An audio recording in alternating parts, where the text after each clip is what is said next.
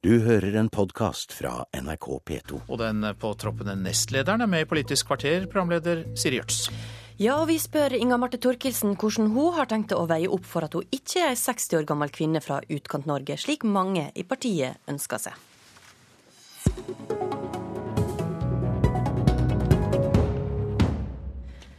Nå går nemlig kritikken på at SV-ledelsen ligger an til å bli litt vel homogen, med en ledertrio bestående av kun urbane caffè latte-drikkende noen og 30-åringer.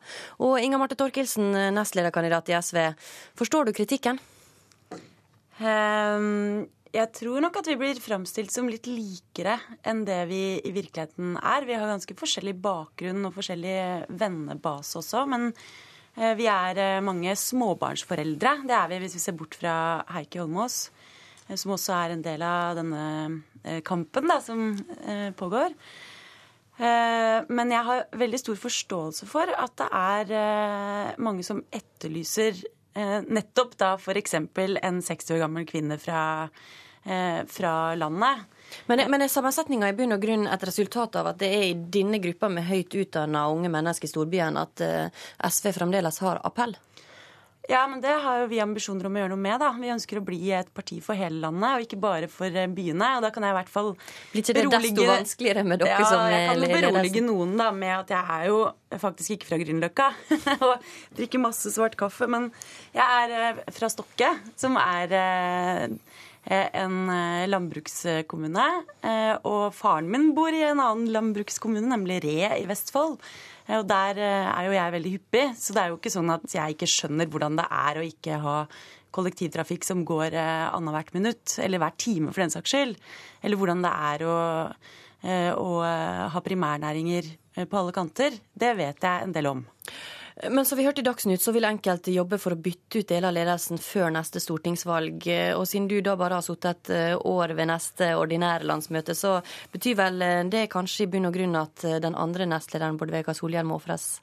Vet du hva, jeg tenker at partiet må jo bestemme seg for hvem det er de ønsker å ha i ledelsen. Og så gjør jeg det hvis de ønsker at jeg skal være der, og så gjør Bård Vegar det hvis partiet ønsker at han skal være i nestlederkabalen. Og det er ikke opp til oss. Så det må bare partiet sjøl eh, velge. Og jeg syns eh, ja, Jeg beholder meg til at vi har en enstemmig valgkomité, og jeg syns at det er både en ære og en glede. Og det kommer til å bli veldig veldig utfordrende også hvis partiet ønsker at jeg skal bidra til å reise kjerringa. For jeg har jo et glødende engasjement for det, først og fremst. Du vil ikke si hvem du foretrekker av disse to lederkandidatene, men, men ser du forskjellen på den oppskriften som disse to bergenserne da eh, har for å stable SV på beina igjen? Jeg tror nesten du skal spørre dem om det. Jeg er mer opptatt av hva det er. Men er ikke det et problem hvis veldig mange andre heller ikke ser forskjellen på den oppskrifta?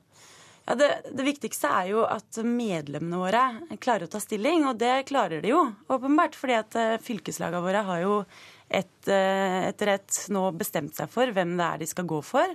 Eh, og delegasjonene begynner å bli klare. Det har til og med vært en uravstemning i Troms, som er litt spennende. Hvor flertallet da har gått inn for Audun Lysbakken. Sånn at jeg tror nok at folk i SV evner å se forskjell, men jeg mener Eh, for min egen del da, så ønsker i hvert fall jeg å bidra til at eh, partiet både blir tydeligere og spissere på noen saker som eh, miljøsaken og som arbeidslivssaken. Ta vikarbyrådirektivet som et veldig aktuelt eksempel. Men hvordan skal dere klare å gjøre det når dere sitter i regjering? Men også at vi breier oss mer ut. Hvordan skal dere gjøre det i regjering? Ja, Jeg tror at det er mulig, men jeg tror at det er, det er en svakhet som vi har, som er veldig tydelig. Og det er at vi er en altfor svak partiorganisasjon hvor medlemmene våre i for liten grad har blitt serva, for liten grad har fått skolering. Og mange veit ikke hvordan de skal påvirke partiet, og ikke hvordan de skal påvirke regjeringa. Og kanskje heller ikke hvordan de skal påvirke sitt eget nærmiljø. Og det er klart at det er jo det viktigste for oss, å sikre at den partiorganisasjonen er sterk. Eh, og så er det å ha et tydelig prosjekt, fordi SV kom inn med særlig barnehagesaken. Og det at alle barn skulle ha muligheten til å kunne gå i en barnehage til rimelig pris og med god kvalitet. Det er også kjempeviktig at vi holder fast i det. Eh, men nå er det mange som sier til oss at de er usikre på hva som er SVs store prosjekt og neste prosjekt, eh, og hva regjeringas prosjekt er. Og det må vi i fellesskap eh, ta på alvor.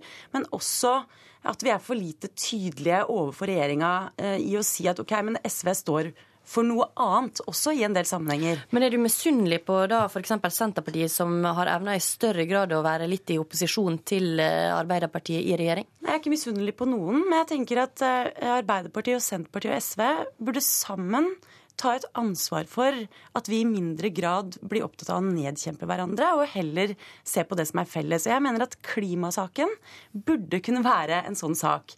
Fordi at der, der snakker vi Er det en kritikk av Arbeiderpartiet du kommer med? Nei, det er, felles, det er et felles ansvar for oss alle sammen. Eh, fordi at jeg mener at klimasaken det eh, burde ikke bare handle om alle begrensningene som vi skal legge på oss sjøl. Eh, det burde også handle om hvilke muligheter vi ser. Arbeiderpartiet har vært partiet for arbeid til alle. Vi er partiet for fordeling. Å dele for å skape.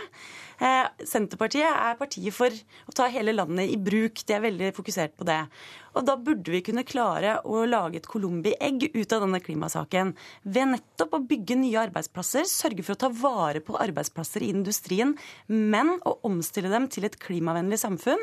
Og at vi da bruker bioenergi og også primærnæringene i stor grad for å bygge de nye arbeidsplassene. Der kan vi komme ut av dette på en god måte. Det er et faktum at uh, dere tre partier på de siste meningsmålingene har hatt, uh, ikke har hatt flertall uh, blant velgerne. Og det har da vært diskutert det å ta med KrF inn i regjeringa. Hvordan ser du på den problematikken? Nei, Det tror jeg at det er veldig få i SV som vil være interessert i. Og Jeg tror også det er veldig få i KrF som vil være interessert i det. Eh, vi har en del eh, fellesinteresser, men vi er også veldig ulike i mange verdispørsmål som er viktige. Eh, og ikke minst ta Israel-spørsmålet, Israel-Palestina, hvor det vil være umulig for oss å akseptere at Israel skal kunne undertrykke et helt folk og fortsette en okkupasjon som er folkerettsstridig av et helt folk. Mens KrF ser dette helt annerledes. Der, bare allerede der så vil du få kjempetrøbbel. Så en firepartiregjering er helt uaktuelt, slik du ser det? Jeg kan ikke se at det skulle være mulig, men at vi kan samarbeide i mange saker. Ikke minst så er jo Kristelig Folkeparti og SV eh, opptatt av at vi skal gjøre mer for utsatte grupper i samfunnet, ikke minst eh, fattige barn. Eh, men også der er vi jo uenige om en del virkemidler, som f.eks. kontantstøtten.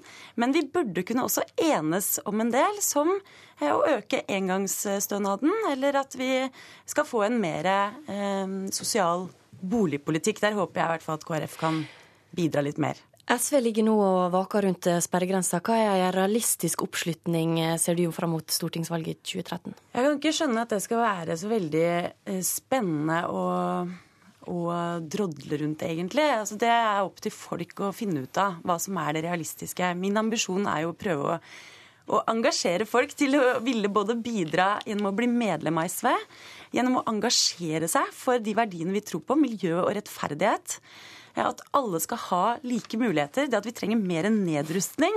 Eh, og, da, et mer offensivt fredsarbeid. på slutten her. Ja, og den må vi jammen meg snakke mer om, og ikke bare analysere, men også å snakke om hvorfor det er viktig at vi tar vare på små forskjeller og like muligheter til alle. Og da sier jeg takk til eh, Inga Marte Torkelsen.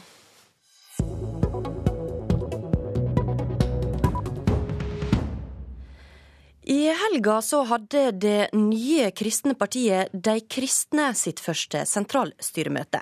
De mener at KrF ikke lenger står opp for de kristne verdiene, og målet er å stille til stortingsvalg i 2013.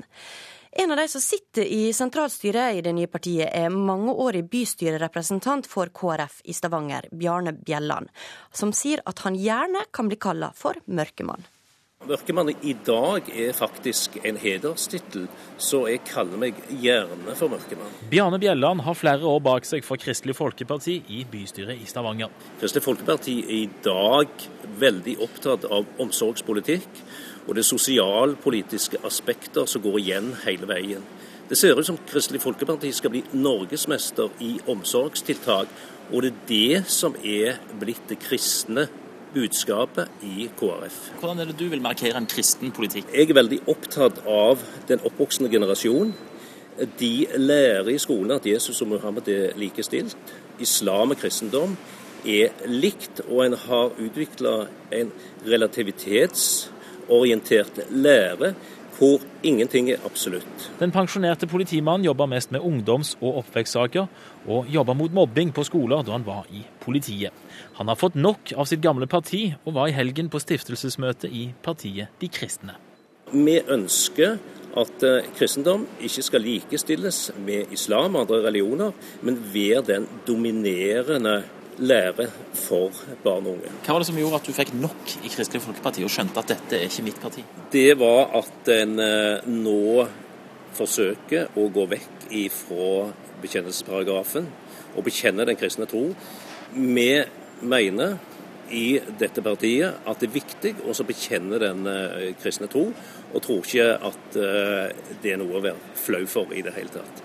I tillegg til Bjarne Bjelland var det andre tidligere KrF-medlemmer og tidligere Høyre-medlemmer som var med på stiftelsesmøtet på Bømlo i helgen. Partiet De kristne satser alt på kommende stortingsvalg, og Bjelland er sikker på at de ikke vil ende opp som f.eks. Kristent Samlingsparti, som ved sist stortingsvalg fikk 0,2% oppslutning. Vi er først og fremst et politisk parti som vil ha en helhet i vårt politiske program vi er i disse dager i ferd med å sette ned en programkomité som skal utarbeide et politisk program på alle områder.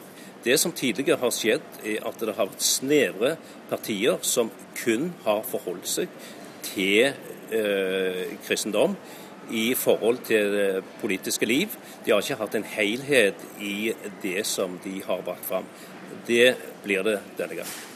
Ja, Det sa Bjarne Bjelland, som sitter i sentralstyret for da det nye partiet De kristne, til reporter Morten Nesvik. Og Per Anders Hoel, journalist i Vårt Land, du har fulgt oppstarten av eh, dette partiet. Eh, målet deres er 8% oppslutning ved neste stortingsvalg. Hvor realistisk er det? Ja, du, Det er en veldig krevende øvelse. Det er mange som har hatt sånne ambisjoner før, men det har ikke gått særlig godt felles for alle disse partiene, og det har vært noen av de opp igjennom til høyre for Kristelig Folkeparti er at de blir et slags sånn desimalshow, egentlig på 0,2 eller 0,1, eller i beste fall 0,3, som er rekorden hittil. Men eh, hvordan kan dette påvirke da det andre kristne partiet, Kristelig Folkeparti, fram mot stortingsvalget i 2013? Eh, for Kristelig Folkeparti er det selvfølgelig en utfordring at det er noen til høyre som eh, har eh, skapt en liten urosone. Men, eh, og den store debatten de hadde om bekjennelsesparagrafen, den, eh, den, var krevende for partiet, men de kom egentlig ganske konsolidert ut ifra dette. Men der er en eh, strømning innenfor deler av det kristne velgersegmentet som ønsker, som Bjelland her sa, en, mer en slags sånn retur. Det er en lengt tilbake til den tida når ting var mer stødig, ikke minst i skolestua. Og det var et mye sånn helt klare verdisett i dette landet. Og det, de kristne er jo et parti som f.eks. i dag i vårt land uttaler at eh, de egentlig ikke ligger så langt fra Kristelig Folkeparti, men det er denne bekjennelsesparagrafen som de vil beholde. Men selv om det ikke får mange nok eh, da stemmer til å komme inn på Stortinget, så har vel eh, da tidligere erfaringer vist at, at det kan stikke store kjepper i hjula for KrF-ere som vil inn? Ja, det har faktisk det. Eller en kan aldri si sånne ting helt sikkert. Men i 2005 så er det ett eksempel på noe som var krevende. Og det var Altså Valgerd Svarstad Haugland var på nippet til å komme inn i Akershus. Hun mangla egentlig bare rundt 120 stemmer. Og samtidig så stilte det altså to andre sånne minipartier. Det ene var Abortmotstandernes liste, og det andre var Kristelig, eh, Samlingsparti. De fikk til sammen over 500 stemmer. Og en kan tenke seg det at hvis det var noen få av disse som kanskje gikk tilbake til Kristelig Folkeparti, så ville Valgerd klart dette.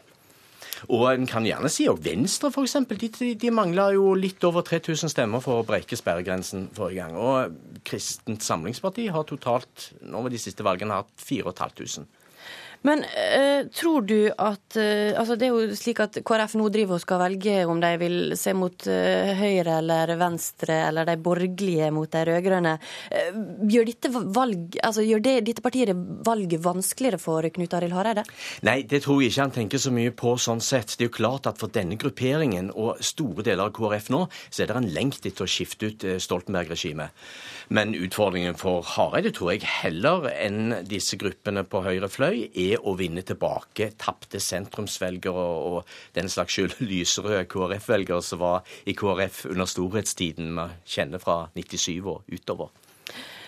Helt til slutt, Er det i bunn og grunn bare bekjennelsesparagrafen som er forskjellen på eh, de kristne og KrF? Nei, det er i grunnen ikke bare det. De har en slags forestilling òg om at ting skal være mer tydelig, og at en skal kunne gå ut og, og, og være klarere og, og ja, kunne snakke mer frimodig om de kristne verdiene. Så det er en uttalelsessak også. Et spørsmål om lyd. og med det så er Politisk kvarter slutt. Jeg sier takk til Per Anders Hoel, journalist i Vårt Land. Siri Gjørts takker for seg her i studio. Du har hørt en podkast fra NRK P2.